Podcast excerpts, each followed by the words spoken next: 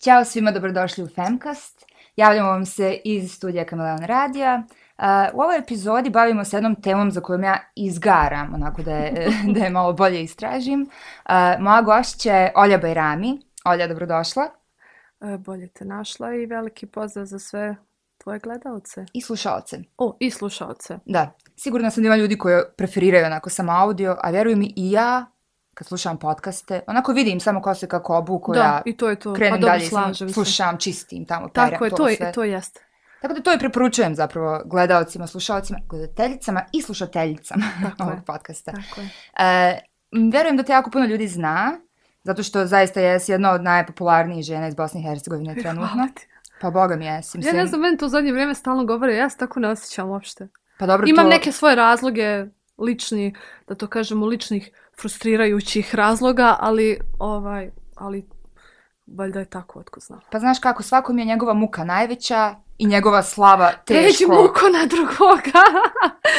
Znaš, ali hvala ti u svakom slučaju, drago mi je što sam kod tebe emisije, evo napokon da smo se i dogovorile da, da imam vremena da te ispoštujem ovaj, kako to dolikuje i super jedva čekam ovaj razgovor. Hvala puno. Mislim, i meni je isto baš stalo da to budeš ti, zato sam te toliko dugo čekala. Mislim, ona Hvala bila ti puno. odlučna da, da te ufatim Hvala sa F. puno. A, ovaj, zato što mislim da si jedna od najrelevantnijih osoba za razgovor o temama koje ćemo danas proći. Da- dakle, ti si estradna umjetnica, što znači da iako si pjevačica, Da, ti si i puno više od toga. Mislim, ti si i, i svoj PR i e, digitalna persona i, mislim, vizuelni neki kreativni direktor i tako dalje. ja, da, ja sam, kaže se, estradna umjetnica, da, ja mučim svoje muke sama. Ovaj, e, ko što bi rekla, ali to su negdje te slatke muke, u stvari tražili ste, gledajte. E, negdje, ta, sve ove teme koje, koje ćemo mi jeli proći, su u suštini one koje ja najmanje volim i ne volim kada me ljudi uh, baš pitaju o tome i ne volim ni da pričam o tome.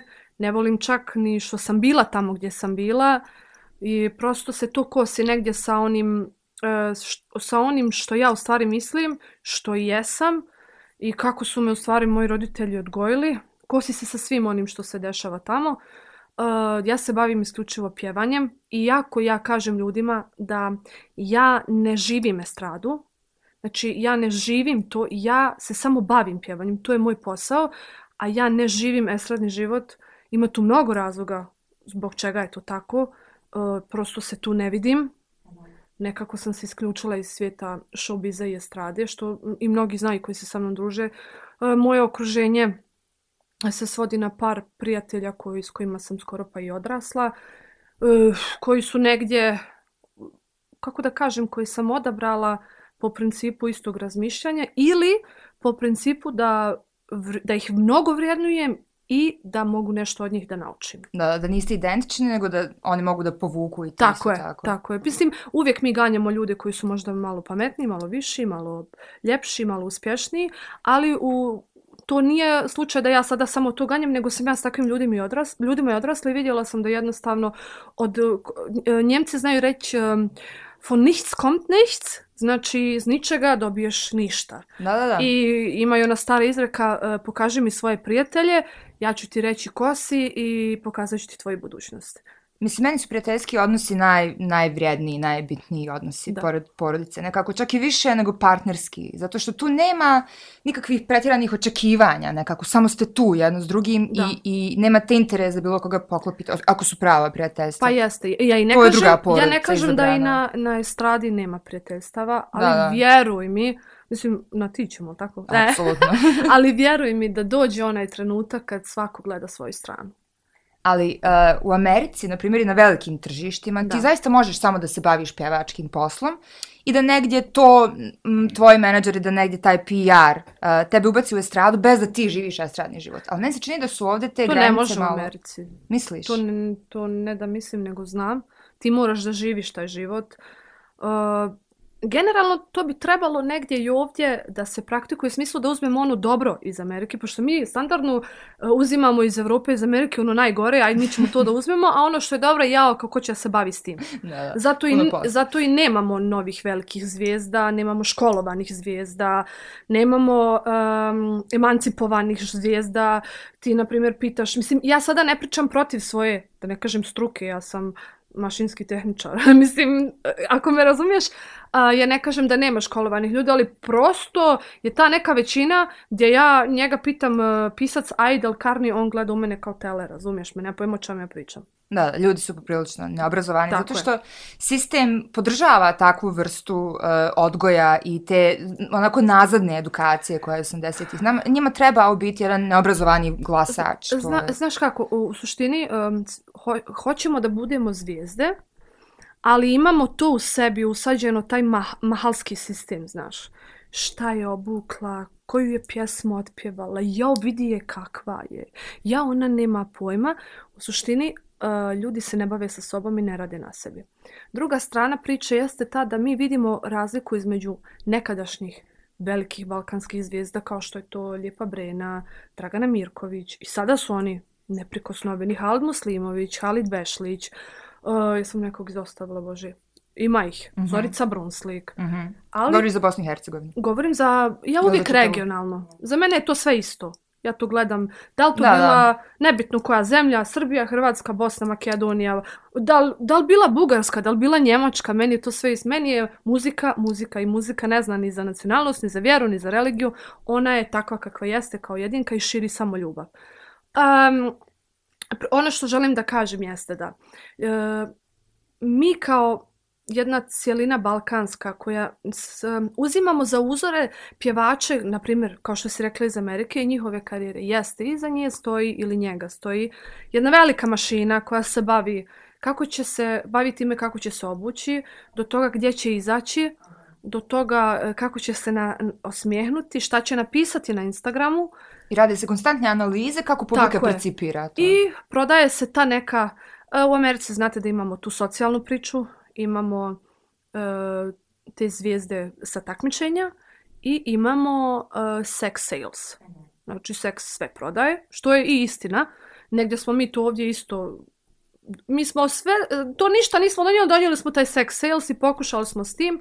Nekima je uspjelo, nekima i nije. E, mislim da da je sada ta, taj reality format um, dao svoj neki lični pečat e, generalno na estradu, jer vidim da se, uh, obzirom na, na tu frekvenciju koja se emituje među ljude, ta emocija iz tih realitija koja je postavljena na određenu frekvenciju da bi doprala do tebe. Mislim, sada će to biti bauk za neke ljude koji ne razumiju o čemu pričam, ali oni koji znaju šta su frekvencije i kako se emituje i televizijski program i radijski program i kako je to podešeno, znaju o čemu ja pričam, a znam i ja o čemu pričam.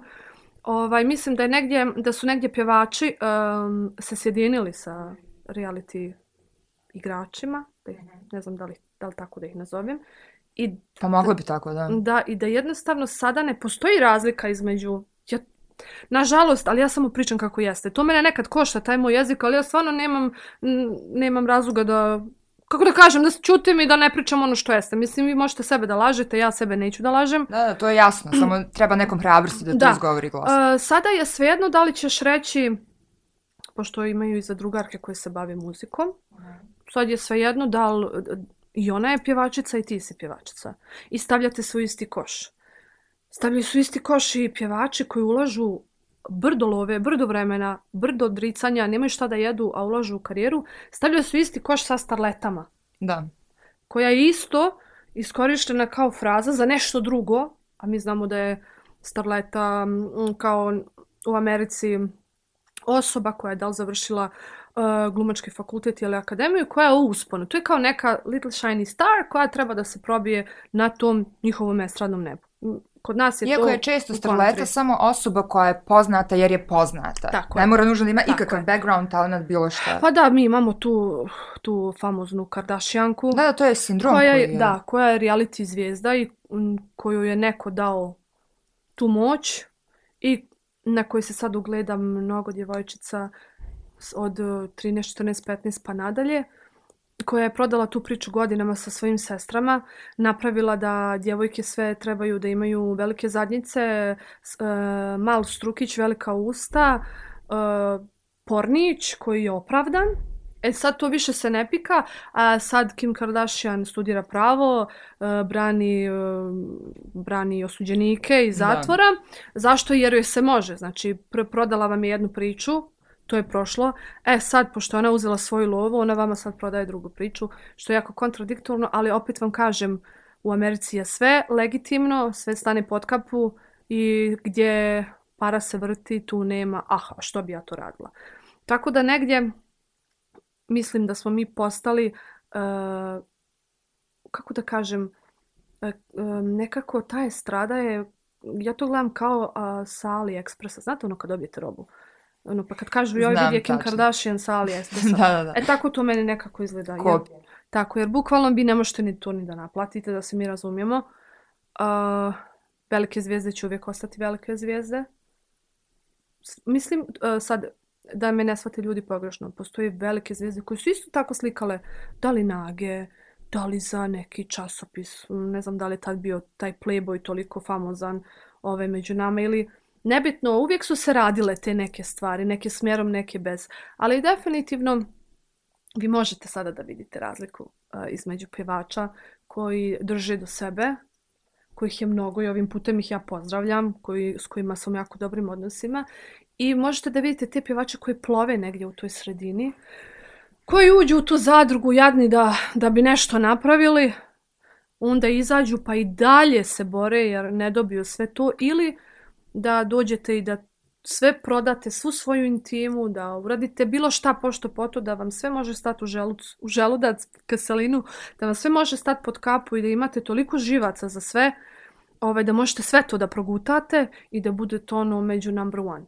Ja sam se odlučila za teži put, sad ću da pređem konkretno na sebe. Ja sam se odlučila na teži put iz razloga što um, ja jesam odrasla u inostranstvu, školovala sam se u ino- inostranstvu, školovala sam se i u Bosni i Hercegovini, proputovala sam svijet. Ti studirala političke nauke, ili tako? Ja sam uh, studirala političke nauke u Sarajevu, na Drveni. Um, pa, odsjek za javno mijenje, htjela sam budem kao peer management, u suštini sam ja to upisala, jer nisam htjela da se vratim u Njemačku, htjela sam ovdje da živim, meni se svidio ovaj mentalitet.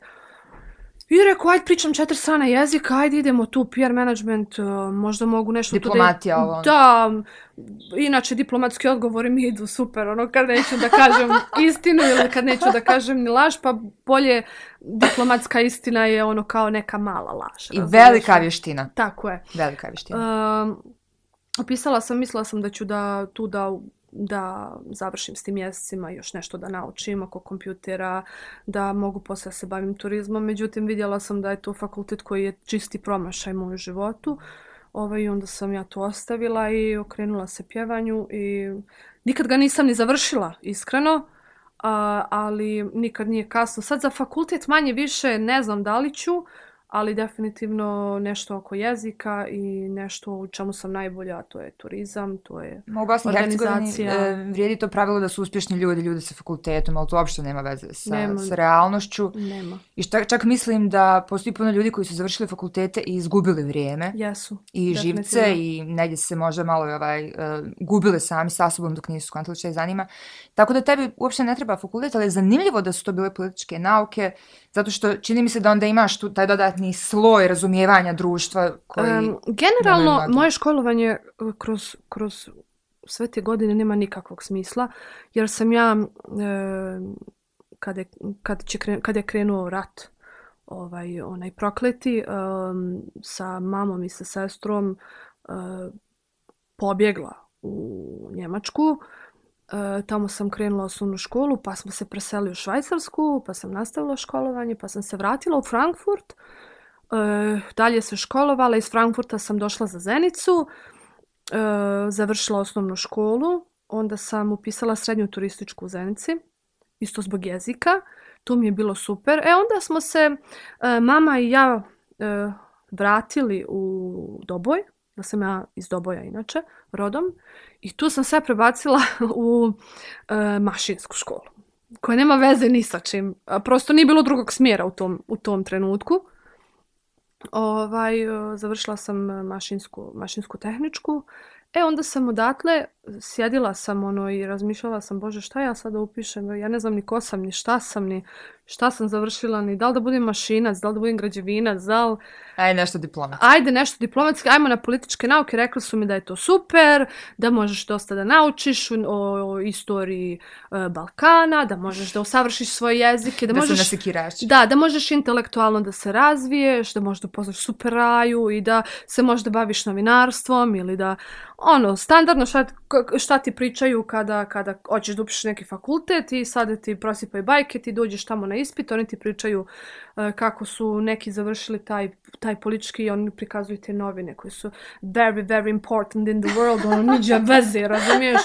Dođeš, e, ne znam, na čas historije BiH, on ti piše hieroglife i učite šta je prije nastalo ovo ili ono, mislim, u nekom religijskom ovaj, tipu i mene to jako Ma i relevantne stvari se uče kod Tako na je, vidjela sam da jezika nema, da kompjutera nema, da je sve šablonski. Ovaj, u tom momentu sam ja već živjela u Sarajevu kao podstanar sa drugaricom, radila tri posla.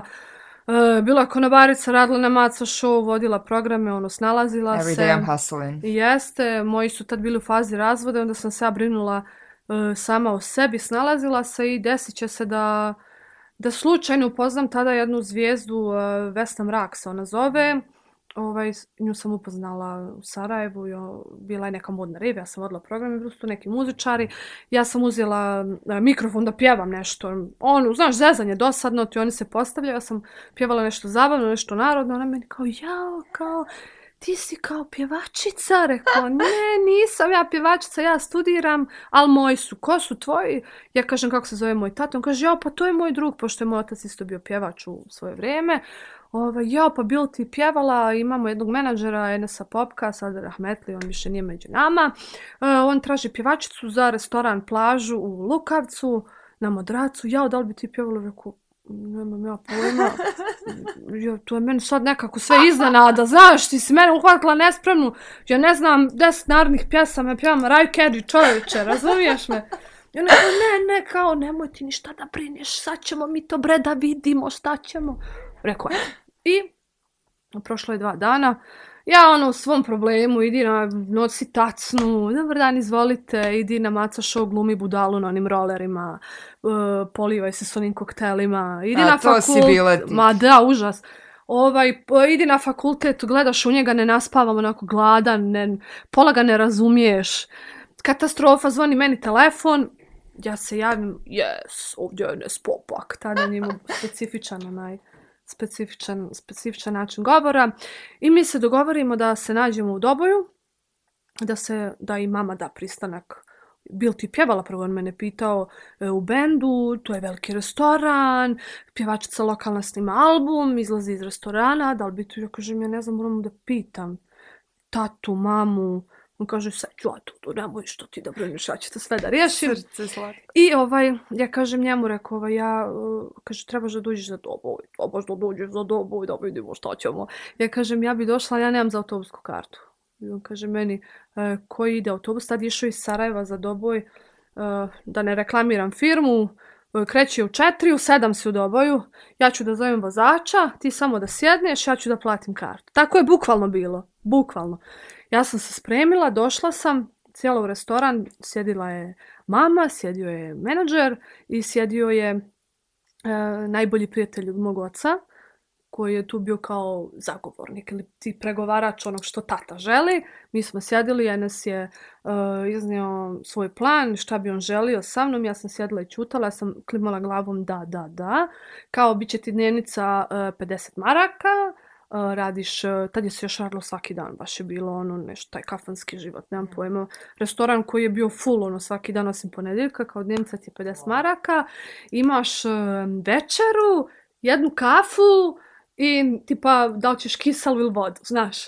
I ja sam bila kao da, da ja to želim od srca, molim vas.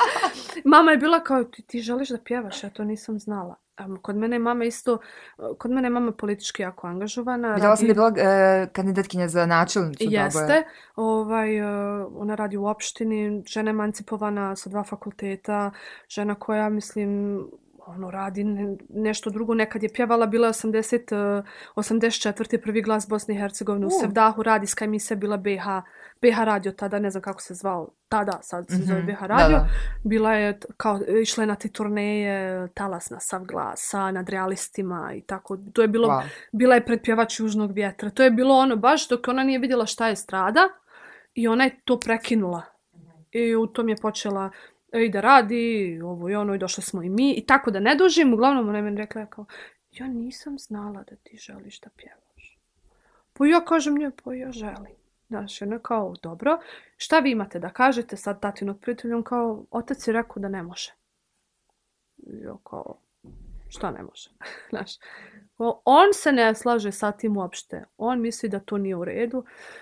I to je bila duga rasprava, naravno. Ovaj, ja sam naravno prihvatila to da radim, ušla sam u, u taj, um, ostavila sam fakultet, pokupila sam se kući, uh, ušla sam u restoran, dobila sam stan koji je bio plaćen i to je krenulo 2000 i znači šeste, ljeto je bilo.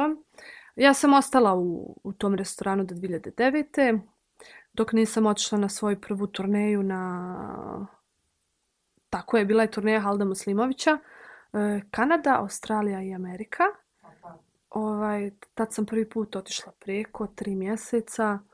Sve sam vidjela, bilo mi je prekrasno uh, putovati, vidjeti svijet. I, pošto su to bili koncerti koji su bili vikendom zakazani, a ne možeš ti sada letiti e, četvrtkom u Kanadu pa se kao vratiš u ponedeljak pa kao četvrtkom letiš ponovo nazad. Znaš, nije to Doboj Sarajevo. Uh, ovaj, tamo sam ostala tri mjeseca, bilo mi je fenomenalno, tad sam vidjela svijet i rekla sam, wow, stvarno bi ja mogla da se bavim ovim poslom.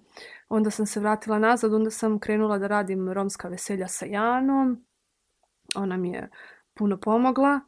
Uh, u tom nekom vremenu sam ja um, malo i prestala da, da se bavim muzikom. Tad sam se razbolila, prvi karcinom je bio u pitanju. Kako si malo godina tada? Pa i to je bila 2000, sad ću ti kažem, 2011. 2012. Znači ja sam bila, no sam svojih 20 godina. Ovaj, e, ja, sam to stoj, ja sam to super podnijela. To je bio karcinom štitne žljezde, e, papilanasti potip, te dva veličine, bio je onako bio je baš vidio je se na, na grlu. I to baš na grlu? Da, da, da, na grlu. Koji je u tom trenutku tvoj hljeb, jel? Tako je, ja sam, e, meni se to dešava da izbacujem uh, svoj prvi hit Pola Balkana i spremam drugu pjesmu na Muru Crne Gore ja se tu razboljevam zbog nekih stvari koje mene stižu od tog umora, premora, tuge, ja sam tad uh, i raskrstila vjeritbu i svašta nešto je mene stiglo i ja sam se razboljela i ja sam operisana, bio januar 2013. godine. Ja sam već u, za 8. mart pjevala u, u kaknju, 300 žena je bilo, ono, bila sam jaka i nekako sam imala i sreće, ko što je doktor rekao, taj karcinom je tebi bio u kokonu, on je izvađen, odbila sam hemoterapiju, našla sam doktora koji će da vodi računa. To sam htjela da te pitam, da, kako da, da, to? Doktora e, Mikača u Banja Luci, koji inače vodi centar za štitnu, e, za štitnu. Ovaj, I doista mi je puno pomogao da mm, se vratim na neku normalu, da se bavim sportom, da prirodu ganjam, da malo više spavam, malo sve više smijem. Ishrana, meditacija, tako, da. Svašta nešto. Onda sam, kad je, kada sam došla sebi, onda sam nastavila da se bavim ovim poslom. Um, nekako sam imala tu sreću da mi je Saša Lazić napisao uh, 14. Promaj u glavi, duet sa Dinčom, to je isto bio hit veliki. E, hit je bio i na Muru Crne Gore, tu idu Anduli, ide mnogo pjesama. Gdje ja ovaj, gdje doživljavam poplavu u maju 2015. godine, 14. 14. 14. tako je. Uh, ja se prestajem baviti muzikom, meni je pun kapak više svega. Uh, I ja se prijavljujem za Etihad uh, za stewardess. Aha. to, to, je, to je nevjerovatno nešto. I mama ma kaže, ok, ti tako naučila, jesam. I ja nazovem svog oca. I kažem, ja dolazim na prijemu u Frankfurt. ovaj, kažem, šta ćeš ti tamo, mislim, ne razumijem, baviš se muzikom. Kažem, ne, ne, mene muzika više ne interesuje, ja želim da budem stjardesa, razumiješ? Samo da bježim odavdje. Ja sam se razočarala, znaš, ono i tuga me neka uhvatila i te poplave i više ta bolest i nekako nedostaje ti otac i imaš A tu... strada istrpljuča. Da, imaš tu sestru koju trebaš da napravi put, ona je četiri godine mlađa od mene. Uh, trebaš to sve finansijski da izmogneš, nebitno. Ja sam otišla u Frankfurt, prošla sam ja prvu, drugu, treću za Köln, novo ono. I uh, dolazi ljeto, treba ići za Dubaj, pošto je njihova stanca u Abu Dhabi, treba ići za Dubaj, za taj finalni razgovor. Ja ne znam ni kako sam ja prošla, oni primaju većinom plavuše, zato što njih, njima je crnki vjerovatno preko glave, da. njima su lokalne djevojke crne, pa kao najviše prolaze tu ruskinje ili i naše djevojke iz Bosne i regiona koje onako su malo kao ti tako aristokratske, znaš, tako da kažem. I ja sam otišla gore i to je sve super prošlo. I onda sam ja jedan dan ustala i rekla, bože šta radiš ti ovdje? Djevojka. Znači ti si počela da radiš za Etihad? Ne, ja sam trebala da potpišem i da krenem. Ja sam onda, a, prvo ta vrućina, a, napolju je 80.000 stepeni, uđeš u shopping mall 16, razboliš se, curi nos. nemaju prozore. ne, curi nos, boli me glava, upalile mi se bronhije. Nema socijalnog života, znači radiš, ako nemaš partnera, jako je teško. Da, da. O, rekao, šta ti radiš ovdje, majke, si ti normalno? I ja nazovem menadžera svog e, tadašnjeg Peru Katića u Hrvatsku. Ja kažem, ovaj, ja sam u Dubaju. Na meni kaže, pošto, pošto ta ne radi, inače je pozivi na radio dozgo, pa kao porukicama. Rekao, ja sam u Dubaju. On kaže, majke, ti šta radiš gore? Rekao, hoću da budem stewardesa. Kaže, vraćaj se budalo nazad, razumiješ, kreću nastupi od septembra, je sve u redu, razumiješ me? Kažem, eto me idem i avionska karti, vratim se nazad. Ponovo krećem da radim, e, snimam mandole, snimam još brdo pjesama.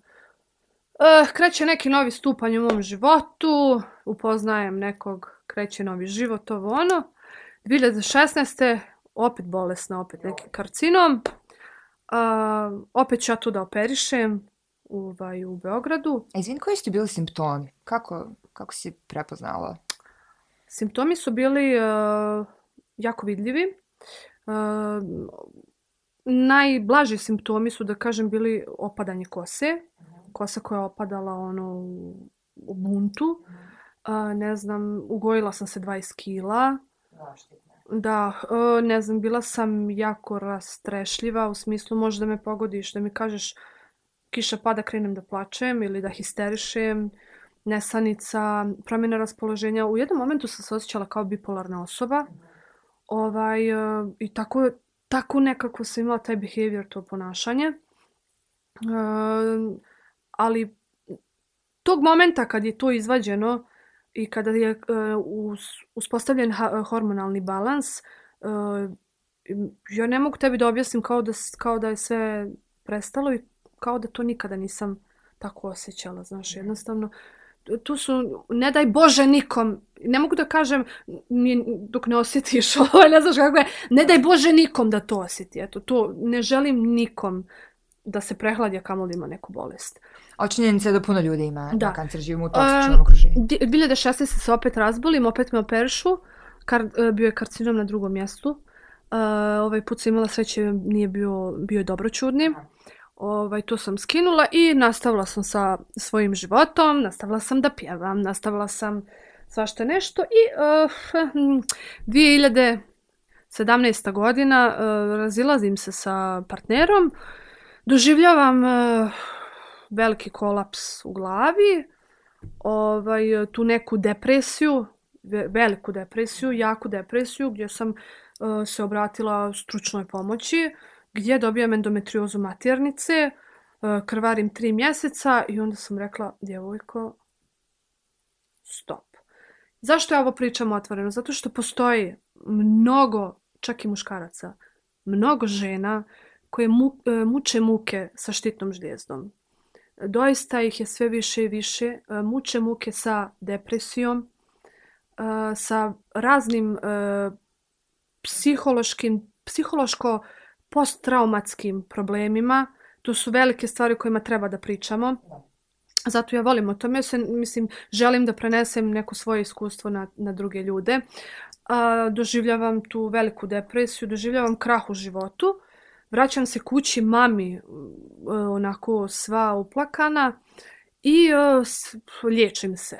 Liječim se. Tu mi je do, pomogla uh, jedna doktor Sestesića koja se bavi uh, koja se bavi refleksologijom i koja mi je pokazala uh, proizvode od aloje s kojima je ona meni izliječila da ja ne moram na operacioni sto. Uh, ja sam bukvalno izliječila me kroz tri po mjeseca. Ja sam imala tu sreću, pomogla mi je dosta. Uh, hemoterapija uh, nije dolazla u obzir. Uh, bili su tu još i psiholozi i psihijatri. Ja sam zaista tu išla da, da, da mi nek, da pričam s nekim, da kažem šta me muči. Meni je već tada bilo 30, 31, 32. Ja više ovaj sam vidjela da nije sramota pitati za pomoć ko ne pita i ne možemo biti kako ja da znam da je tebi loše i da ti trebam da ti pomognem ako mi ti to ne kažeš. Ne, da se ljudi osjećaju kao da su jedini Tako na svijet koji imaju taj problem jer se Tako ne komunicira, je. a svi prolazimo Svi mi imamo to. tebi. I dan danas, i kad ne, i nisi bolestan, imaš tu anksioznost, imaš tu depresiju. To je, to je, svakoga to prati. Samo čovjek koji je kamen, njega to ne prati, ali njega zato prati more. Ali o tom potom, to je priča za sebe. Ovaj, to smo završili i ja sam bila E, te godine kod kuće nisam ni radila, nisam bila aktuelna uopšte u medijima, nisam imala nikakve pjesme. Jednostavno nije za mene nikakvo interesovanje vladalo, prosto sam, ono, znaš, bila off. I onda je došao moj najbolji drug, Saša Lazić, koji je inače producent, ono, veliko ime i s kojim sam ja odrasla. To je moj drug iz djetinstva koji je došao jer ga je moja mama nazvala i rekla ona samo sjedi u kući, ja ne znam šta s njom da radim. Uh, pije kafe, puši cigare i gleda u plafon. Znaš, on je rekao dobro, ja ću da dođem. I on je došao i rekao to tako ne može. Ajmo sad iz početka. I on je meni dao veliku snagu. Uh, tad je nastala pjesma Mjesečar koja će meni obilježiti karijeru i koja će mene vratiti preko noći u, u, u, u taj prokleti svijet estrade za koji sam se ja odlučila. Uh, otišli smo, snimili smo pjesmu i rekao, uh, mi smo par dana bili boravili u Doboju, tako malo smo časkali, on je mene vodio na bazene, na treninge, ajde malo vamo, malo tamo, prišao sa mnom, jedan dan me nazvao i rekao, ovaj, uh, ajde, spakuj se, idemo za Beograd, da snimiš nešto. Kažem, solo, ja da idem snimat, čuće, nemam banke prebijene u džepu. Kao, ne, ne, ne, nemoj ti ništa skiraš. Spakuj se, uh, idemo, sve ćemo mi da, ništa ti ne brinu, sve ćemo mi da organizujemo. Ošli smo u Beograd, pustio mi je mjesečar, ja sam bila ono u fazonu, pa dobro, znaš ono. Jer u tom momentu kada ti nisi svoj, kada nisi Ma da, ništa ti ne može depresivan, kada si tužen, kada si ono, niti do života, tebe ne može da oduševi nikakva pjesma, ništa ne može da, to, da te oduševi. I mi smo tu tako bili u studiju, kao ajde upadaj kao Pa kažem, čoču, nemam glasa, nisam pjevala godinu i po dana, ne znam, nije mi do života, razumiješ me. I on kaže, ma ne, kao, samo ti uđi u studio. I tu je radio producent Aca Krsmanović na, na mom pjevanju i Saša kaže, idem ja, ja vas ostavljam i otpjevaj to, nemoj da se svađamo. ja sam bila pa dobro. Ja sam to otpjevala.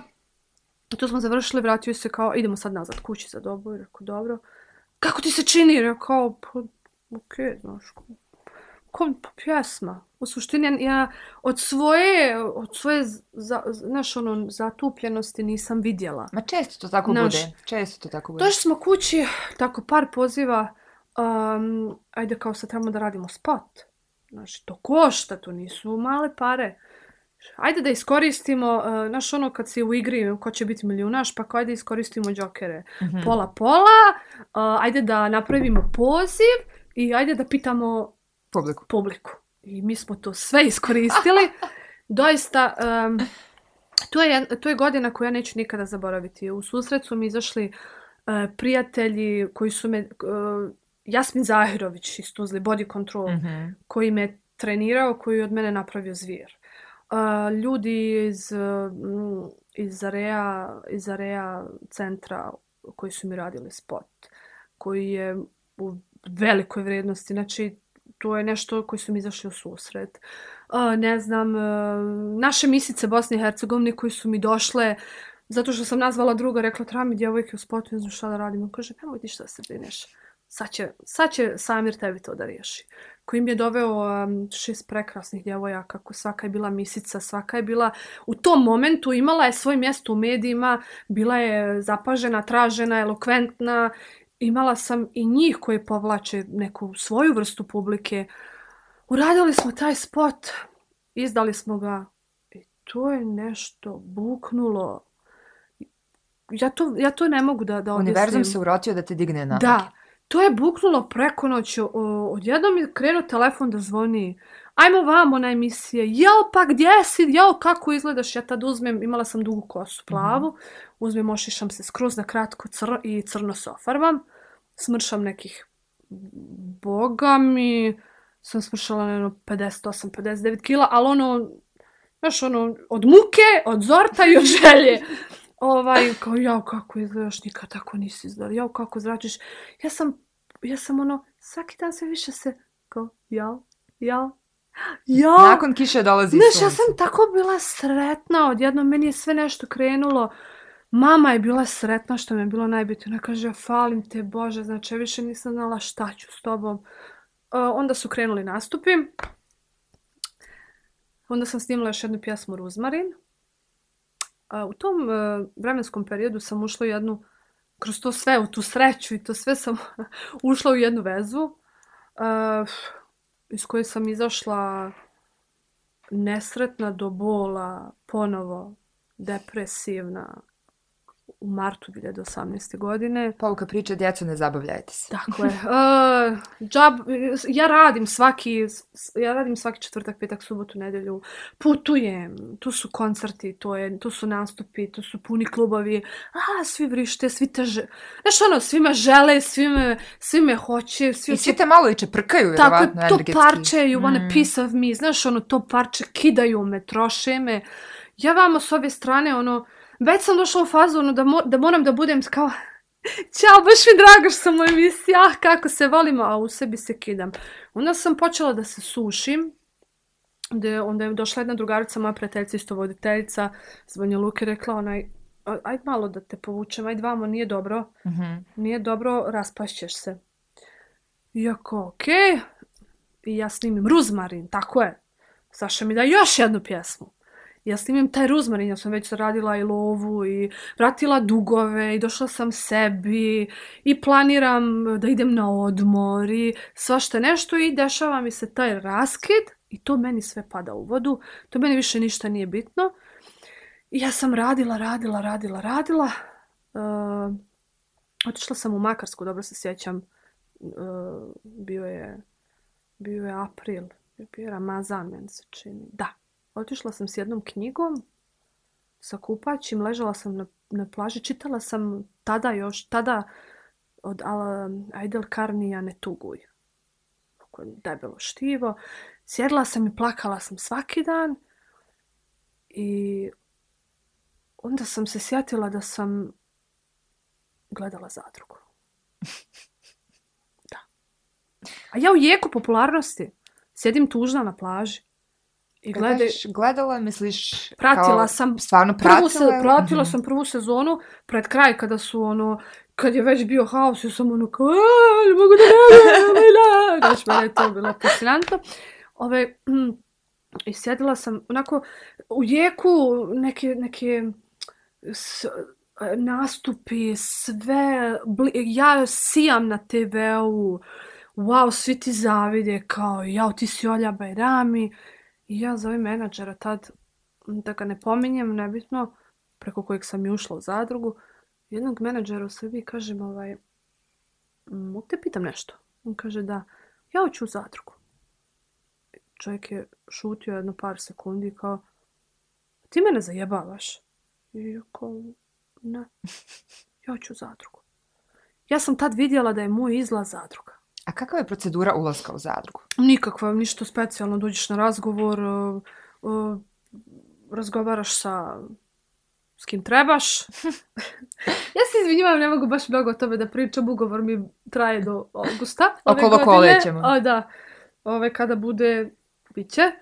Uh, dođeš, oni ti dadnu razgovaraju s tobom, vide da li je to to što njima treba, Mhm potpišeš papir, oni ti daju jednu određenu sumu, ti kažeš pa ne sviđa mi se ta suma, kao pa koliko se tebi sviđa i ti kažeš napišeš, ona kaže pa hm, ne sviđa se meni ta suma, kao može li negdje na pola i ti kao pa može, ajde. I kao potpišeš, znaš. I, ona, I pita te kao koje su tvoje želje, koje su tvoje ambicije, zbog čega, šta, kako, znaš. Ti si Jer- uvijek bila otvorena zašto si ušla u, Jesam. u zadrugu. E, Ja nisam pozvana u zadrugu. Nisam, mene nije niko zvao u zadrugu zato što me neko zvao, zato što sam bila zanimljiva. Ne, ja sam zvala da ja uđem u zadrugu. Mhm. Ja, lično ja, budala. Ja sam zvala. Kad kaže ono, pa ti si kao, ti si kao doš, došla u zadrugu, kao, ko je tebe zvao? Nije me druže, niko zvao, ja sam napravila da uđem. Ali Razumiješ me? taj format može da bude E. vrsta čistilišta. Jer meni je, meni je stvarno od, od uh, bru, sada kada gledam nakon tri godine mi je stvarno bruka i sramota da kažem da me neko zvao u zadrugu. Jel me razumijete? Apsolutno, da. E, razumiješ? Nemoj me presirati. Da, e, jednostavno, ja tu, na to kad pomislim, to je meni katastrofa. I sad, nebitno, poslije, poslije toga uh, dobijaš uh, određene razgovore na koje moraš da ideš Mhm. sa uh, psihologom, psihijatrom, neuropsihijatrom, I ako si normalna, ne možeš ući. on, da, uh, moraš da vadiš nalaze, da budeš, da budeš zdrav. A ja sam imala, ono što mogu da kažem, na primjer, u ugovoru, da se meni moraju dostavljati moji lijekovi. Jer ja pijem Mhm. hormone Eutirox uh, 125 za štitnu žlijezdu Mhm. i uh, E, ja bez toga, na primjer, treći dan bi krenula da dehidriram i padam u nesvijest, jer to meni treba da bi moja hipofiza mogla da šalje signale i da bi moj hormon uopšte mogao da funkcioniše. Ovaj, I tako, ja sam, eto, tu potpisala, e, naš, you know, have the pact with the devil, welcome! Prostruti ovako crveni tepih, kaže, dobro nam došli. U gladijatorski ring. Tako je, sada kreće vaš pakao. I ti kao, ja, ja se baš radujem. I zovem mamu i Sašu i kažem, ja ulazim u zadrugu. Mama ono kao, ja, I žena pada u nesvijest, ne može da vjeruje. Ovaj, Tamo nema telefona, nema laptopa, nema ništa. a? Ne, nema ništa. E, op- da kažem, samo i da završim s tim, ja sam ušla u zadrugu da pobjegnem od sebe. Mhm. Zamislite koliko je, koliko čovjek e, doživi tu taj strah od života i tu razočarenje. E, glupost nema granicu. Znaš, u jednom momentu taj tvoj mozak, sve to što si ti naučila, sve te knjige koje si ti pročitala, sva ta life coachings koja si imala sa, ne znam, Marijanom May ili Sanom Bučević ili s Bogom, razumiješ? S onim gore, da si mu se pomolila dva puta, spasio bi te, razumiješ? Ne, nego ja sam htjela da pobjegnem od problema, a u stvari nisam ni imala problem.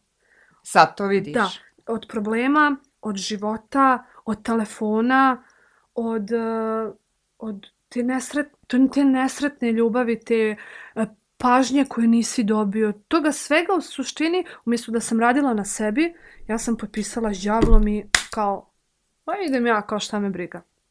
Kada sam ušla unutra, um, ja sam ušla, ja sam ušla, meni je tu vrijeme stalo, znaš. Ja sam svoj telefon i svoj sat ostavila kući i ja sam na toj kapiji kad sam ulazila, ja sam ponijela sve svoje probleme sa sobom i meni je tu vrijeme stalo. Ja sam ušla, ja sam ušla u psihijatriju da se izliječim. Nemojte me pogrešno shvatiti, to je jedna psihijatrija, jedna ustanova gdje ti uh, budeš sa 60 kretena, razumiješ, koji imaju svoju neku dijagnozu, a imaš je i ti, jer da je nemaš ne bi ušao u zadrugu Mhm. jer taj psihijatar i psiholog kaže koju ti imaš dijagnozu. U mom slučaju je bila e, depresija, e, anksioznost i tuga. To je vjerovatno neka vrsta šifre u glavi, gdje su vidjeli da sam, da sam uh, previše osjetljiva i da ću reagovati na neke stvari. Ja sam ušla u psihijatriju da se izliječim. I ušla sam, ja sam tam plakala svaki dan, to su vidjeli ljudi. Ja sam tamo plakala svaki dan, meni je bilo jako teško. U smislu ne od tih ljudi, nego, nego sam ja se jedno jutro probudila i shvatila gdje se nalazim. Shvatila sam šta se dešava oko mene. E, do mene u jednom krevetu, do mene u drugom krevetu, ispred mene u trećem krevetu gdje sam ja bila šest mjeseci, četvrti mjesec sam završila u ćošku sobe. gdje sam se izborila, svađala sam se s ljudima za krevet, završila sam u čošku jedne sobe i da spavam uza zid. Kad ja uveče legnem, da ja stavim onu masku i one čepiće za uši, koje mm -hmm. sam, ne znam, od nekog ukrala tamo, i ukrala sam i one bandaž, da nemam pojma od koga, i okrenula sam se prema zidu, da ne gledam i da ne slušam. Jer ono što ćete tamo vidjeti, nećete vidjeti na ekranima, to ja garantujem životom jer sam izašla i vidjela šta se pušta, šta se ne pušta. Mm -hmm. To mogu slobodno da kažem. Ja, ja, ja, ovdje, ja ne znam šta radim ovdje. Šta radim ovdje? To je katastrofa bila. E, bilo je zanimljivo prve dvije sedmice, kao sad idemo na ono da li je unutra realno ili nije realno. Što vjerujem da te zanima. Pa zanima da. da. E, prvi dvije, tri sedmice sam ja vidjela koliko je sati i su tu ljudi koji su ono daje, koji uh, kada izađu napolju nemaju svoju profesiju i uopšte ih briga da se bavi bilo čim, uh mhm. -huh. ovaj, nego oni uđu tu da zaradi veliku lovu, da se ponašaju kako oni žele, jer uh, sad je došao takav sotonistički vakat da kada izađeš neće ti to niko uzeti za zlo. Da. Kao, to je reality, kao, pa šta, kao, snašao se. Da pače, bit ćeš zvijezdica. Tako je. I on, meni je bilo zanimljivo prve tri sedmice, da sam se ja borila da, da zapečatim svoj ulazak i da ja ostavim tu što duže čeče da uzmem lovu, potpisala sam, mm -hmm. potpisala sam, potpisala sam za veliku lovu i vidjela sam oni prije mene koji su postali baš ono velike face, znaš. Samo od toga, znači bez ikakvog backgrounda u biti. Bez backgrounda zato što su prodali svoju intimu, da, da. ali kao, ja ću kao da uđem, neću kao da prodam svoju intimu, ali kao, vidit ćemo, znaš sve okej. Okay. Pa šta kao lagano? Kako sam rekla me, šta kao lagano? Ja sam, uh, ušla sam u tu zadrugu, pravila sam malo kao probleme, kao plakala, kao ljubav, ovo ono. Tu sam ja zapečatila svoj opstanak. Onda je tu krenulo maltretiranje, vamo tamo, o tome sad ja ne mogu tebi da pričam, pričat ću ti na samo. Mm -hmm. Kad je istekne ugovor jednog jednog lijepog augusta ove godine, onda ću moći da uđemo u emisiju da ti tačno kažemo od riječi do reči šta se unutra dešava, šta je namješteno, šta je uh, istinito, koliki je bludi nemoral, šta ljudi rade kad kamere nisu uprte u njih, ko ima ko smije da izađe, ko ne smije da izađe, ko ima pozive, ko nema pozive, ko je privilegovan, ko nije privilegovan, koga će da maltretiraju, koga neće, svašta nešto, ali to mogu tek da ti pričam kad mi ugovor istekne, ali ono tada ja ne mogu. Jeste činjenice da ono što publika vidi nije sve što se dešava, ne. iako reality bi po, po nekoj definiciji da. trebalo da bude jel, ono što se zaista dešava. Um, za mene je reality Nekada, da, nekada davno dok reality format nije bio prezentovan uh, kod nas na Balkanu su postojali uh, programi za poslije 12 sati. Znači to su bili da li, um, da li erotika, pornografija, ne znam, tuče, pljuvanja. Uh, većinom je to bio taj neki, prikazivali se pornići, ja, mm -hmm. možemo tako da kažemo. Sada su napravili jedan gestapo sistem, ja mogu da kažem da je to jedan gestapo sistem, uh, gdje kao uh, u tom, kako da to kažemo, da ne ne grebusim. uh, do, uh, to ti je da, um, ajde da suštinski problem prikrijemo zadrugu. Šta to znači? To znači da ja uzmem jedan projekat s kojim ću ja da privučem emociju čovjeka, gdje ću da ubacim raznu vegetu, mm -hmm. jer svako voli različite ukse, znaš ono svako. Svak, svaki kupac ima svoju robu i svakom će nešto drugo da se svidi. On će da izvuče nešto što čime se on identifikuje. I on će to da prati stalno, jer njega to živo interesuje kako će taj da riješi svoj problem, a, a on ne može da riješi. Gledat će radije to nego ono što je zaista problem u svijetu. A problem je u svijetu neimaština, ratovi, gladovanja, nezaposlenost, neškolovanost, itd. itd. Da, da. Da, da ne ulazim sad u, u citat Ovo su sve mamci. Tako je. Ovo je samo da se skloni, eto, neki, ne, neki pogled na, na suštinu, kao ajde da zamaskiramo zadrugom. To je moje neko mišljenje. A, s, kada sam izašla iz zadruge, bila sam jako sretna kao Ja, ja ću sada da budem poznata, sestro! Što nažalost i jesi. Nažalost... Uh, Mislim, na, nažalost što je nažalost- zadruga morala to da Nažalost zapečati. mi je se desilo to da... Uh, znaš šta sam dobila od zadruge? Da me svaka šuša na ulici zna i da kao Mhm. možda me komentariše. Nikakvu slavu, nikakve nastupe, nikako, kako da kažem,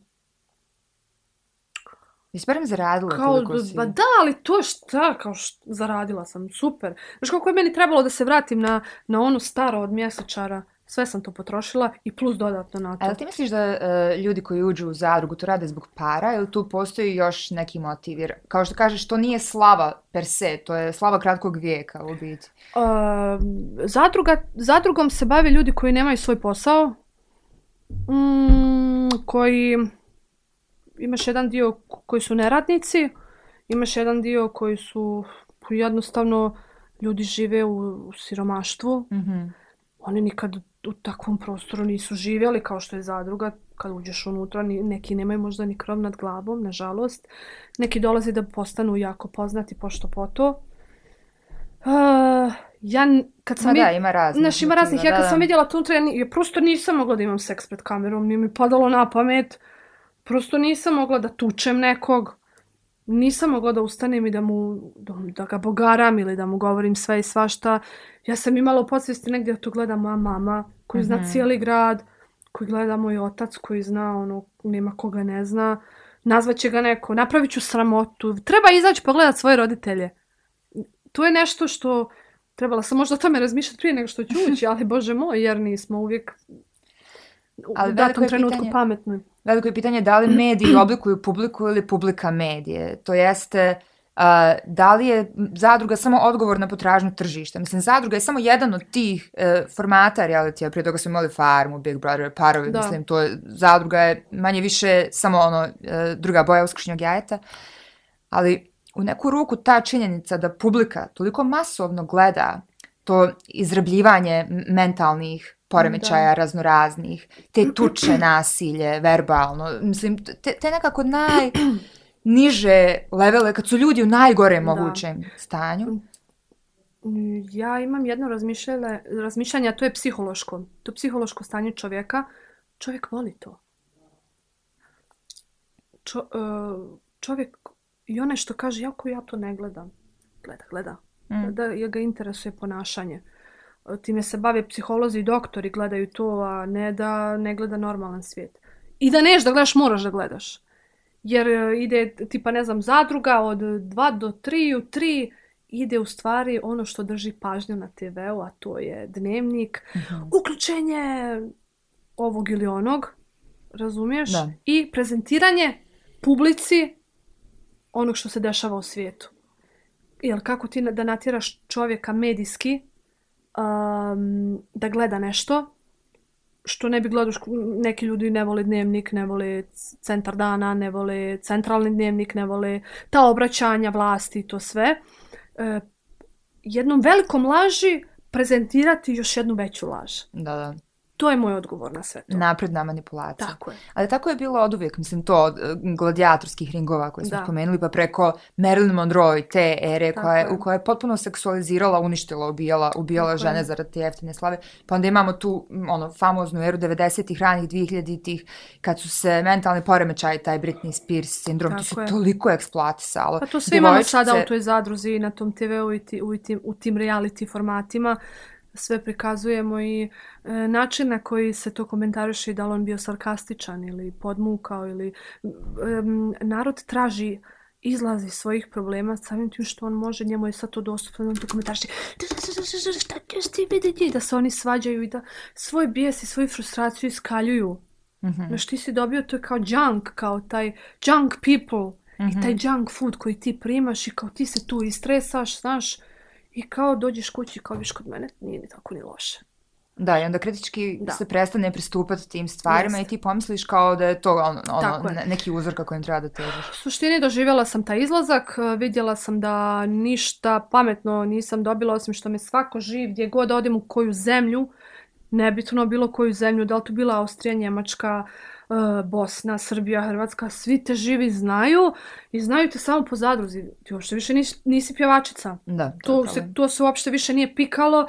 Kao, a šta ti misliš, znaš, pitu, kao ti na ulici jedeš ćevape, ono, ili doner, oni kao, a šta ti misliš o ovo što si... I ti gledaš kao, šta vam je, znaš. To sam samo dobila. Morala sam mnogo da radim na tome da bi se vratila u onaj ono pjevačica, mm -hmm. da me ljudi opet gledaju uh, normalnim nekim očima i mnogo sam radila na tome da me ljudi zaborave u zadruzi. Da me nema... Poslije toga sam m, mogla sam da nagrebusim jako, ali se nisam pojavila ni u jednoj emisiji. Mm -hmm. Odbila sam svaku emisiju, nalazila sam razloge. Bolesna sam, nisam u zemlji, uh, hranim pingvine u Australiji. Znaš, ono, evo mene Njegarnom vodopadu, kupim vodu, ono, iz katastrofa je to bila Pa živa. da, da su to ljudi koji vjeruju u laži. da, mislim, ono, ovaj, uh, dobila sam posle toga opet poziv iz dva realitija da uđem, gdje sam ono rekla, nemoj, nemojte ni započinjati, molim vas, molim mm -hmm. vas, Mhm. nemojte me više zvat. Radila sam mnogo na sebi i onda sam krenula ponovo da snimam. Znači ja sam izašla bukvalno uh, 2000, 2019. u 1. februara. Nisam radila do septembra. Nije me niko htio. Nije niko, ne niko, nego bukvalno nisam postojala. Uh -huh. Niko me nije htio. Uh, ili htjeo, kako god, nebitno. Uh, počela sam da snimam. Mnogo sam morala da snimim pjesama, mnogo covera. Uh, otvorila sam svoj YouTube kanal. Uh, sve što je imalo veze sa zadrugom nisam odgovarala na pitanja. Uzela sam PR menadžericu uh, koja me upućivala nemoj tako da se oblačiš, ajde malo idi, uh, relaksiraj se, uh, nemoj tako da razgovaraš, nemoj o tome da razgovaraš, ideš sad na ovu emisiju, na onu emisiju, pjevaj ovo, pjevaj ono. Onda sam snimi jedan, drugi, treći, cover, četiri, peti, šesti. Ja mislim da sam ja u, do, do zatvaranja u koroni snimila 16 video spotova. Od toga su bile četiri pjesme, 12 kavera. Ja sam uh, bukvalno s, s, sjedila sam dan i noć u studiju. I samo sam snimala i pjevala da se opereš od zadruge. Da se operem od zadruge. Bukvalno. Ja nisam imala čega da se operem u smislu da sam ja sad, kao sad se nešto pravdam, da sam ja nešto loše uradila. Ne, ali privukla su publiku koju možda mislim, nisi htjela. Stvarno me i ne interesuje, razumiješ šta će selo reći da sam htjela, kupila bi traktor, razumiješ, i vozala mm -hmm. se kroz njega i bila bi ista. Uh, nego, meni je bilo to krivo, što sam ja sve ono što sam uradila i što mi je neko drugi dao, što mi je neko drugi usmjeravao mi pomogao, moji prijatelji, moja porodica koja, koja je meni govorila, ali što, nije ti ništa, vidi, sve je super, ajde malo se dozovi. Što sam ja vidjela u svima njima kao, znaš, kao e, da, da je to nije istina, da ja sam bila u nekom svom svijetu. I zato sam poslije zadruge morala mnogo da radim na tome. I kada sam snimila 17. spot cover Belu, opet su se desilo preko noći, su otvorila neka vrata. I to je bilo kao ludno, to je, nije prestao telefon da zvoni. Može ovdje da pjeva za koliko je, nije bitno. Mi smo poredali cijelu godinu tada bili. Što znači cijelu godinu da radiš? E, da, ovo bi valjala da pitamo, čega se zarađuje na estradi? Jel tako koncerti su nekako broj jedan? Pa ti zarađuješ ili... samo od nastupa. Jel da? da? Nema tu ništa da. royalties YouTube-a ono? Ima, ima. ima. Imaš, imaš YouTube, svoj YouTube kanal koji je verifi... Koji A koliko se zarađuje na, na monetizovanom YouTube kanalu? Pa... Ne moraš mi dati konkretnu cifru koliko, da li je to kao nešto čega bi moglo eventualno da se živi, da se ulaže ili... Pa ja neću da govorim o tome, reći ću samo da znamo da su youtuberi popularniji od pjevača. I to je sve. Znači, dovoljno da sam, rekla, jasno, jasno. Mislim da. da sam dovoljno rekla.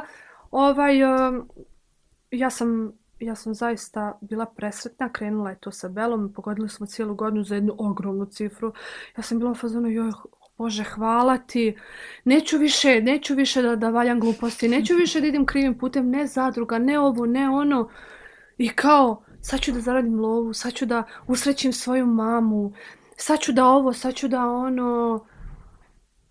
I onda su zaključali, krenula je korona i onda je to sve palo u vodu, sav taj uložen novac, sve te suze, sve te pres, neprespavane noći. Nove strategije. Sve to, kao sad ćemo ovako, sad ćemo onako, je samo ono kao you're locked up. Pa dobro, koji čitav svijet. Pa onda Tako ja sam tu našla neku utjehu, kao nisam Ja sam jedina. se odmorila. Mislim, Da. ja, ja sam se odmorila. Um, ja imam tu neku sreću što kroz sad sve, te sve godine o kojima sam ti pričala, Mhm. sam ja negdje taj novac nekako odvajala malo pomalo. Znaš, ono, glupčića kad hraniš pa mu daješ malo pomalo. Malo odvajala sam, odvajala sam koliko sam ja na estradi od, od, o, koliko ja u stvari pjevam već od 2006. godine, ja sam odvajala sebi taj novac i štedila sam i Iako sam ja e, u svaki nastup, e, da li bi u, u Hrvatskoj lupam, imam svoj OIB, plaćam porez državi, nekako... Ma da, profi znaš, si, ono, mislim, ali sam, sam šparala te pare, ja sam sebe obezbijedila u smislu mm, nekretnina, auto, za ne daj Bože, znaš ima ono, uvijek onaj štek za ne daj Bože. Ja sam bila ono prvi, prve četiri mjeseca kad su nas zaključali, bila sam kod mami na terasi i bilo mi je prekrasno. Ispričala sam se s mamom, gledala sam je, gledala sam svoju mamu sva, svaki dan i svaku noć. Svaki dan i svak, gledala sam je I kad... hranila se tom ljubavlju koja Da, gledala sam je ono, gledala sam je kad ustane, kad ona opere svoje zube, napravi sebi kafu, uzme cigaru i kao nešto šalta na telefon, pa ja ustanem, ona kao, pa dobro si se sjetila, hajde, hajde, ustaj doručkuj, hoćeš na terasu, vidi sunca, pa onaj, pa ti napravi taj doručak i kao, mogla bi ti malo da vježbaš, vidiš imaš ovdje prostora, znaš, što pa radi trbušnjake, šta ima veze, znaš. Gle- Gledala sam svoju mamu i, i zapravo sam shvatila da ja, ovaj, da sam jako poželjela svoju mamu. Mhm. I kad su nas ponovo otključali, rekla sam, e, brate, što je dosta, dosta je. Ja sad odu malo napolje. Jer je, znaš, ono, kaže, kaže, viš s mamom, kao, pa se ljubite, volite, svađate, znaš, sve to. To su bile možda e, jedna od mojih najljepših dana u mom životu. Ta četiri mjeseca provedena s mojom mamom. Ja to ne mogu da objasnim. To je kao, ja sam se preporodila. Ja si mislim ko nije imao zdravstvenih i finansijskih problema da je stvarno uživo i, i, i pronašao neke nove levele A sebe, vidiš, ono, ja- koje su bili To zakopane. jeste, mislim, ja pričam ovako, želim da skrenem da to bude malo ljepše upakovano, jer ja sad vama mogu da pričamo prijateljima koji imaju dvoje, troje djece, gdje je muž ostao bez posla ili žena Mhm. ostala bez posla ili im je umro neko jako drag od posljedica, posljedica ovog virusa. Um, ja sam ga isto imala.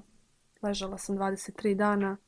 Uh, zvala sam našu drugaricu Lelu iz plave poliklinike iz Tuzle i rekla ja ću se bacim sa, sa balkona i meni gori tijelo, ja ne znam šta da radim, pomozi mi, pomozi mi, plakala sam na telefon. Ja mogu da mislim, zapravo i ne mogu da zamislim kako je bilo ljudima koji su imali upalo pluća, koji su bili na respiratorima, koji su izgubili živote, kako je tim porodicama. Da, da, Kako je ljudima koji, koji, koji nemaju bukvalno šta da jedu.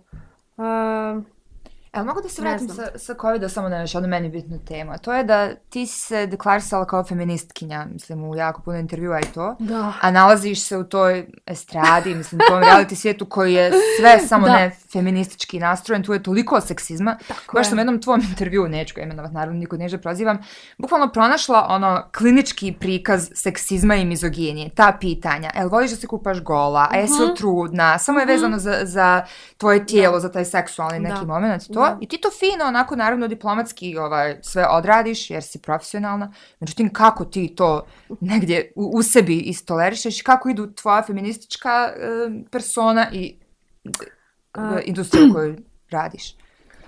Uh, feminizam. Se dijeli, po mom mišljenju, sada ne pričam teoretski kako, je, kako bi pisalo možda u knjigama, nego onako kako ja to gledam. On se dijeli na tri podgrupacije. To je feminizam, seksizam i muški feminizam. Kad kažem feminizam, a, to znači boriti se e, za ravnopravnost žene u smislu elokvencije, znači školovanja. Svaka žena treba da je situirana, da je novčano, um, kako da kažem, potkrepljena u smislu da zarađuje svoj novac, da je neovisna, da je sretna, um, da, da joj se pruža koliko je ona pruža. Jer Bože, ne možemo doći na ovaj svijet bez da nas rodi žena. Uh, postoji taj seksistič, taj seksti, sek, seksistični feminizam koji je ono tjeran, broj jedan u svijetu i postoji taj muški feminizam, ja ga zovem muški feminizam, a, gdje su danas žene postale, primile su tu mušku energiju i zato su same. Ja to dijelim na te tri. Um, doživljavala sam ja svašta, mislim, uh, negdje, baš pričale smo danas, ljudi su postali ono zli, uvijek je bilo ono dobro sa dobrim vraćama, međutim to očigledno više sa, sa novim poredkom uh, nije priča. Mm -hmm. um, ja volim žene. Ja volim kad su žene lijepe. Kad volim kad su žene sretne.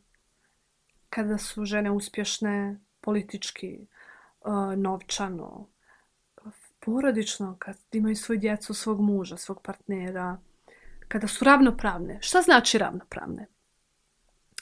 Ravnopravne ne znači da pa kao šta htjela si kao da budeš u istom položaju kao muškarca, pa ajde kao sad sama zavrći svoju lampu ili ne znam, uh, tvoj novac je tvoj novac, moj novac je moj novac ili uh, ta neka dreka i vi kao ko žene, kao vi feministkinje ste kao krive, znaš, kao vi tražite sva prava, koja kao prava vama niko ništa ne radi. Okej, okay, okej, okay. ako ćemo tako se igrat, ima smisla, ali je nekorektno, jel pa, tako? Pazi, sistemski mi kao imamo ista prava žene i muškarci, da. međutim društvena svijest je daleko od, od, od tih prava na papiru. Naravno. Uh, imamo, naravno, taj seksistični dio koji je meni, ono, ja to, meni to smiješno. Um, kako da ti kažem, ja se podsmijavam tim ljudima. Meni je to smiješno kada ti meni uzmeš i pitaš me takva pitanja, mm -hmm. jer u suštini ja znam dokle, gdje je tvoja svijest, znaš. Ono, kad me ti pitaš kao je da li se kupaš gola, ja znam odmah da ti nisi uopšte na tom intelektualnom nivou da ja mogu s tom da razgovaram o bilo, bilo čemu pametnom, nego da se ti žutonje, ja zovem takve ljude žutonje. Dobar izraz. Na žutonje i ti trebaš da se baviš tim i da pišeš za takve novinare i za, za takve novine i za takve portale i bavi se s tim. Znači ti za mene žutonja, ti za mene nisi neko ko je... Žali Bože tvog školovanja kada me pitaš takva pitanja. Možda tebe neko i tjera da ti mene pitaš, ali to nije moj problem. Ali taj novinar je manje problematičan od publike koja konzumira taj sadržaj za koju je namijenjen. Zato što, znaš, opet mediji su danas, ako hoćeš da budeš Šta znači publika? Pa, pa ne mogu ja da dijelim javnost, publiku. Da. Ja ne mogu da ja ne mogu da dijelim javnost. Znaš, Ali imaš publiku jednog medija, tvoju publiku. Da. I onda publika jednog medija koja, koju možda želiš da familiariziraš sa tvojim imenom ili bilo kojom da. drugom osobom, moraš da ideš na te jeftine trikove i to je problem. Pa i zadruga je jeftin trik bio. Pa da. Koji se nije isplatio na kraju. Koji mi je više donio, donio mi je izašla sam iz eh, zadruge sa eh, 16 kila više i sa inzulinskom rezistencijom, moj šećer je skako na 17. Ja sam se s tim, evo, od izlaska iz zadruge borila do, do prije možda pola godine gdje sam šećer spustila na 5. A je u zadruzi taj tretman žena drugačiji nego tretman muškaraca? U smislu um, i seksizma kao takvog, ali potpuno drugačiji standard. Koliko žena mora više možda da se ma jok, da ide dalje ma da ne, bi... ma tu, pa ne, ne mogu ja sad tebi da objasnim da ako ti uđeš unutra imaš odnose pred kamerama i imaš odnose sa 3-4 partnera različito u toj zadruzi, da ja sad kažem da tebe neko napada uh, seksistički. Ne, ti to nosiš iz kuće, iz tvog bijednog života. E sada, imamo pitanje da li taj život tebe natjerao da ti živiš tako, ili ti prosto nisi htjela da radiš normalan posao kao svi normalni ljudi koji se bore i rade za plato 300, 400, 500 maraka, pa bože moj skrpe to. Ne, ti si htjela to odma sve i sada i kao uh, kao u fazonu ko te pita kako si došao do toga, bitno je da ti to imaš. Po takvim nekim pravima se ljudi vode. Um, Ma to je monetizacija dostojanstva. Bukvalno. Mislim da i kad uđeš unutra više i zaboraviš ko si bio, to da. je sad samo... Totalno je, samo totalno je nebitno, zato što se ljudi izgube jednostavno u tom zatvorenom prostoru. Neki jesu takvi, neki nisu. Ja sam prosto zaboravila da... Ja sam prosto zaboravila ono kako izgledalo sve napolje, ali nikad nisam zaboravila da treba izaći. Znaš, I da treba se vratiti u realnost. Jer ono nije realnost, a zove se reality. Da. Nego je realnost kad pređeš onu kapiju. Hiljadu puta sam pomišljala na to da pređem ogradu, da... Ali neki su penali ogromni, ali da? Da, izađeš na vrata, da htjela sam kući, ali to bi me koštalo 50.000 eura. A i da imamo dakle. Ili da izađem pa da uđem sljedeću sezonu ponovo pa da to otplaćujem. Ali to je um, kao neko robovsko dužništvo u biti koje te drži u tom programu. To je, pot, ti potpisuješ ugovor. To je dužničko robstvo. mm, to je, ja, ja to i dalje tvrdim, to je za mene jedan gestapo sistem. Mm. Kao što su logori prije bili, gdje te drži gladnog i žednog, ugasiti struju, ugasiti vodu. Uh, imaš ispred kuće jedan krug oko kojeg hodaš, šetaš, da bi i ole negdje prošao, jer ti si uh, ograničen sa prostorom i ne, ne možeš ti puno da hodaš. Mm -hmm. Ti imaš to ograničen prostor gdje možda se krećeš. Iako to zvuči kao da je neki grad veliki. Ne, to nije nikakav to je... grad. To je jedan, to je jedan, to je jedan pap karton prostor, da tako mm -hmm. kažem. Ovaj, I rekao bi da su kulise čak, da ona većina kao... Pa jesu, zato što da. iza to je zadruga jedno, onda iza toga imaš, ti čuješ, oni snimaju film ili snimaju emisiju ili nešto, a ti se nalaziš tu i e, nije to problem preći, ti možeš i izaći, mm -hmm. znaš, ali problem je kad izađeš, to nosi konsekvence koja da, da. nisam stvarno mogla da ona, iznesem ti 100.000 maraka. Pravno si vezan, da. Da. A evo ti si ušla u zadrugu sa željom da se negdje možda iscijeliš mentalno, bilo si ono u nekom da. low trenutku. Ali kako zadruga utječe na mentalno zdravlje? Recimo ne samo tvoje, nego generalno. Kako... Pa evo vidite ljude unutra koji se briju na ćelavo, koji koriste um, leksaurine, bromazepane i sve ostalo da bi se smirili. Ja kada sam izašla iz zadruge, ja sam bila potpuno budala četiri mjeseca. Mm -hmm. Ja nisam pričala sa ljudima uopšte. Nisam mogla da ih gledam u oči, a meni je jako bitan taj eye contact.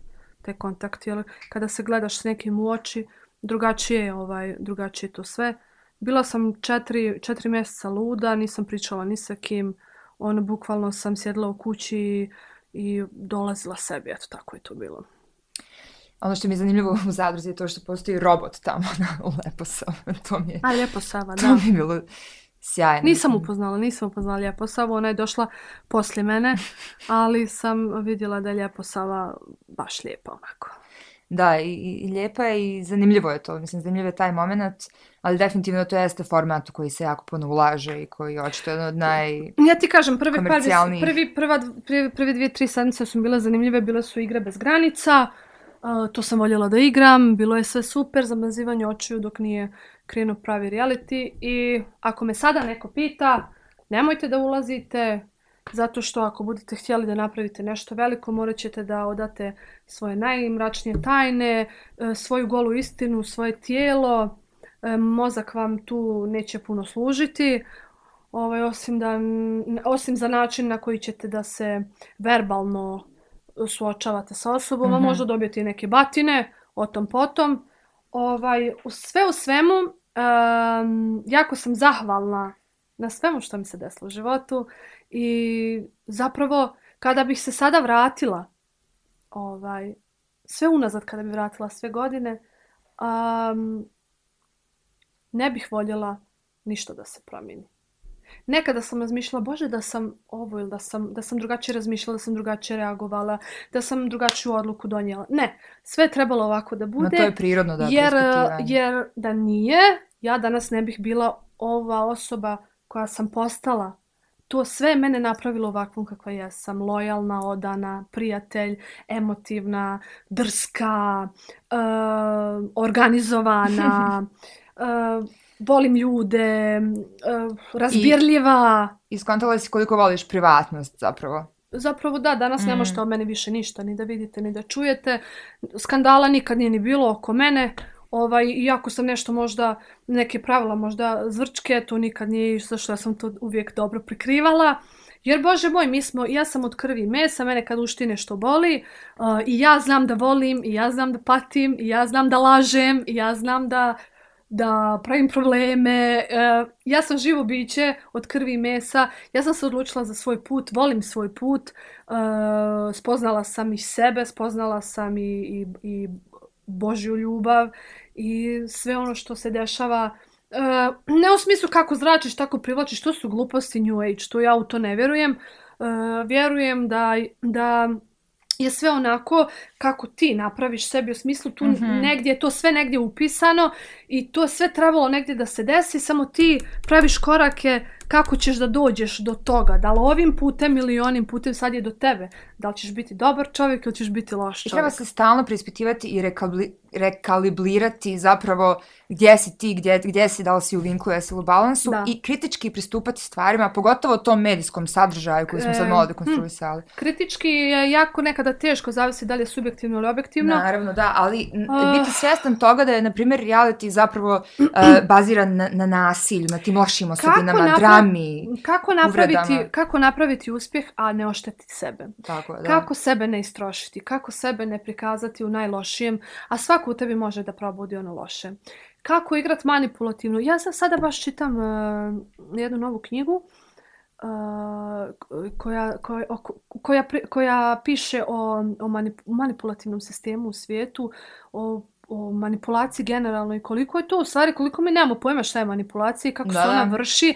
Mi mislimo da je manipulacija kad iz, žena izmanipuliše muškarca ili muškarca ženu. Ne, manipulacija je jedna velika stvar uh, i to ti ono e, daš, dobiješ. Manipulacija je jedan sistem koji obuhvata mnogo toga osim te same manipulacije kao A riječi. mediji su jedan ozbiljan poligon za Tako je. manipulaciju. Um, moraš stvarno da budeš šlif, da skontaš neke stvari uh, koje se dešavaju oko tebe, da naučiš da zapravo biti manipulativan nije loša stvar. Nego manipu m- m, ljudi koji su manipulativni znači da su jako dobro organizovani, da znaju šta hoće i da su m, ljudi koji manipulišu znači da, da, da igraju šaha. Da oni povlači, da su oni Da su ti strateški, strateški planeri. da su oni uh, vodiči da kažem kao što je, kao što je bio kralj evo kralj Sultan Suleiman Ma da, manipulacija je samo Tako je, alat, ali je u pogrešnim rukama postaje e, jako manipulacija je opasno. jedna jako dobra stvar ako je koristimo u pozitivne svrhe Mhm. to znači da na pametan način da nikoga ne oštetimo uh, dobijemo ono što mi zapravo želimo a da, da pritome svi budu zadovoljni to je za mene manipulacija i kada je naučim javit ću ti, javit ću ti kada je budem koristila u praksi, pošto još nisam došla do prakse, jer, jer ovaj su me dosta izmanipulisali u životu, pa ajde kao da ja nešto. Ali jako je bitno da počnemo da pričamo o tome, pa će svako možda Pa. malo da, da nadolazi i kad osvijestiš manipulaciju, to je velika Ne- stvar. Jako smo mi daleko od e, osvješćivanja ljudi. E, Da, e, potrebni su nam pojedinci koji će da pričaju otvoreno, da usmjeravaju e, omladinu. Biće teško, niko nije rekao da će biti lako, ali sve dok, dok dobri ljudi čute, Mhm.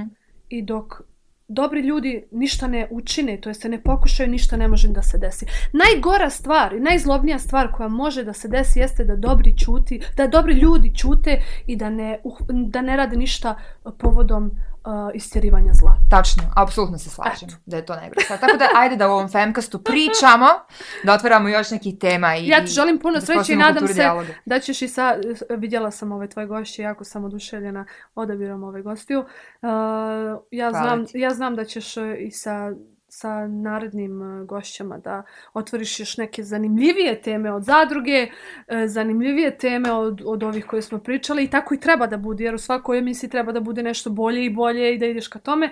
I ja mislim da, da je ova super stvar zato što možeš da čuješ svašta nešto pametno i od žena, Tako je. a da ne ispadne kao ja ovo su feministkinje kao one protiv muškaraca. Ne, nego ima tu Iz svih svega uglova. i svih uglova. I svaka svako- tema je zanimljiva ako joj Tako se priđe Sa- na neki prave svjež strane, način. tako Da, da, da. Tako da ovaj hvala što si me pozvala pošto vidim da privodimo kraju i ovaj Beskrajno tebi hvala što si došla. I, I što smo se ovako ispričale, Da. stvarno sam uživala i meni je brzo prošlo, mislim, ja, ja ne znam koliko je? Pa, Dobro. okej smo, okej Super. smo. A, super. Ovo je jako kvalitetno vrijeme bilo provedeno u svakom Hvala slučaju. puno Hvala i ti. ovaj e, puno sreće pa se vidimo. Dragi moji, drage moje, ovo je bio Femcast i Olja Bajrami. Mi se vidimo uskoro. Ćao!